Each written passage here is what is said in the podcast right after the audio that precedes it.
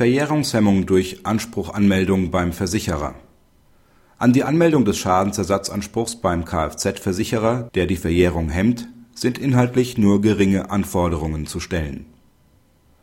Der Anspruchsteller wurde im September 2003 bei einem Verkehrsunfall schwer verletzt.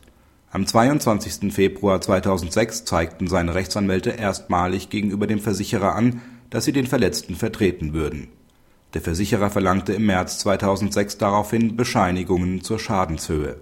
Gleichzeitig wandte er ein Mitverschulden hinsichtlich der Haftung ein. Unter dem 16.06.2006 forderten die Prozessbevollmächtigten des Verletzten die Versicherung auf, einen Vorschuss auf das noch näher zu beziffernde Schmerzensgeld zu zahlen.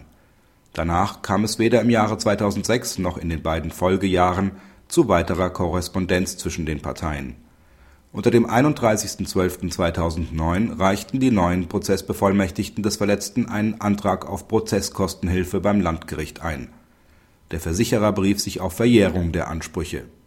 Das Landgericht folgte im Prozesskostenhilfeverfahren der Argumentation des Versicherers. Im Beschwerdeverfahren hat die Argumentation des Landgerichts keinen Bestand. Das OLG weist darauf hin, dass gemäß § 3 Nr. 3 Pflichtversicherungsverordnung jetzt § 115 Absatz 2 VVG, ein beim Versicherer angemeldeter Anspruch des Geschädigten so lange gehemmt sei, bis eine schriftliche Entscheidung des Versicherers beim Geschädigten eingehe.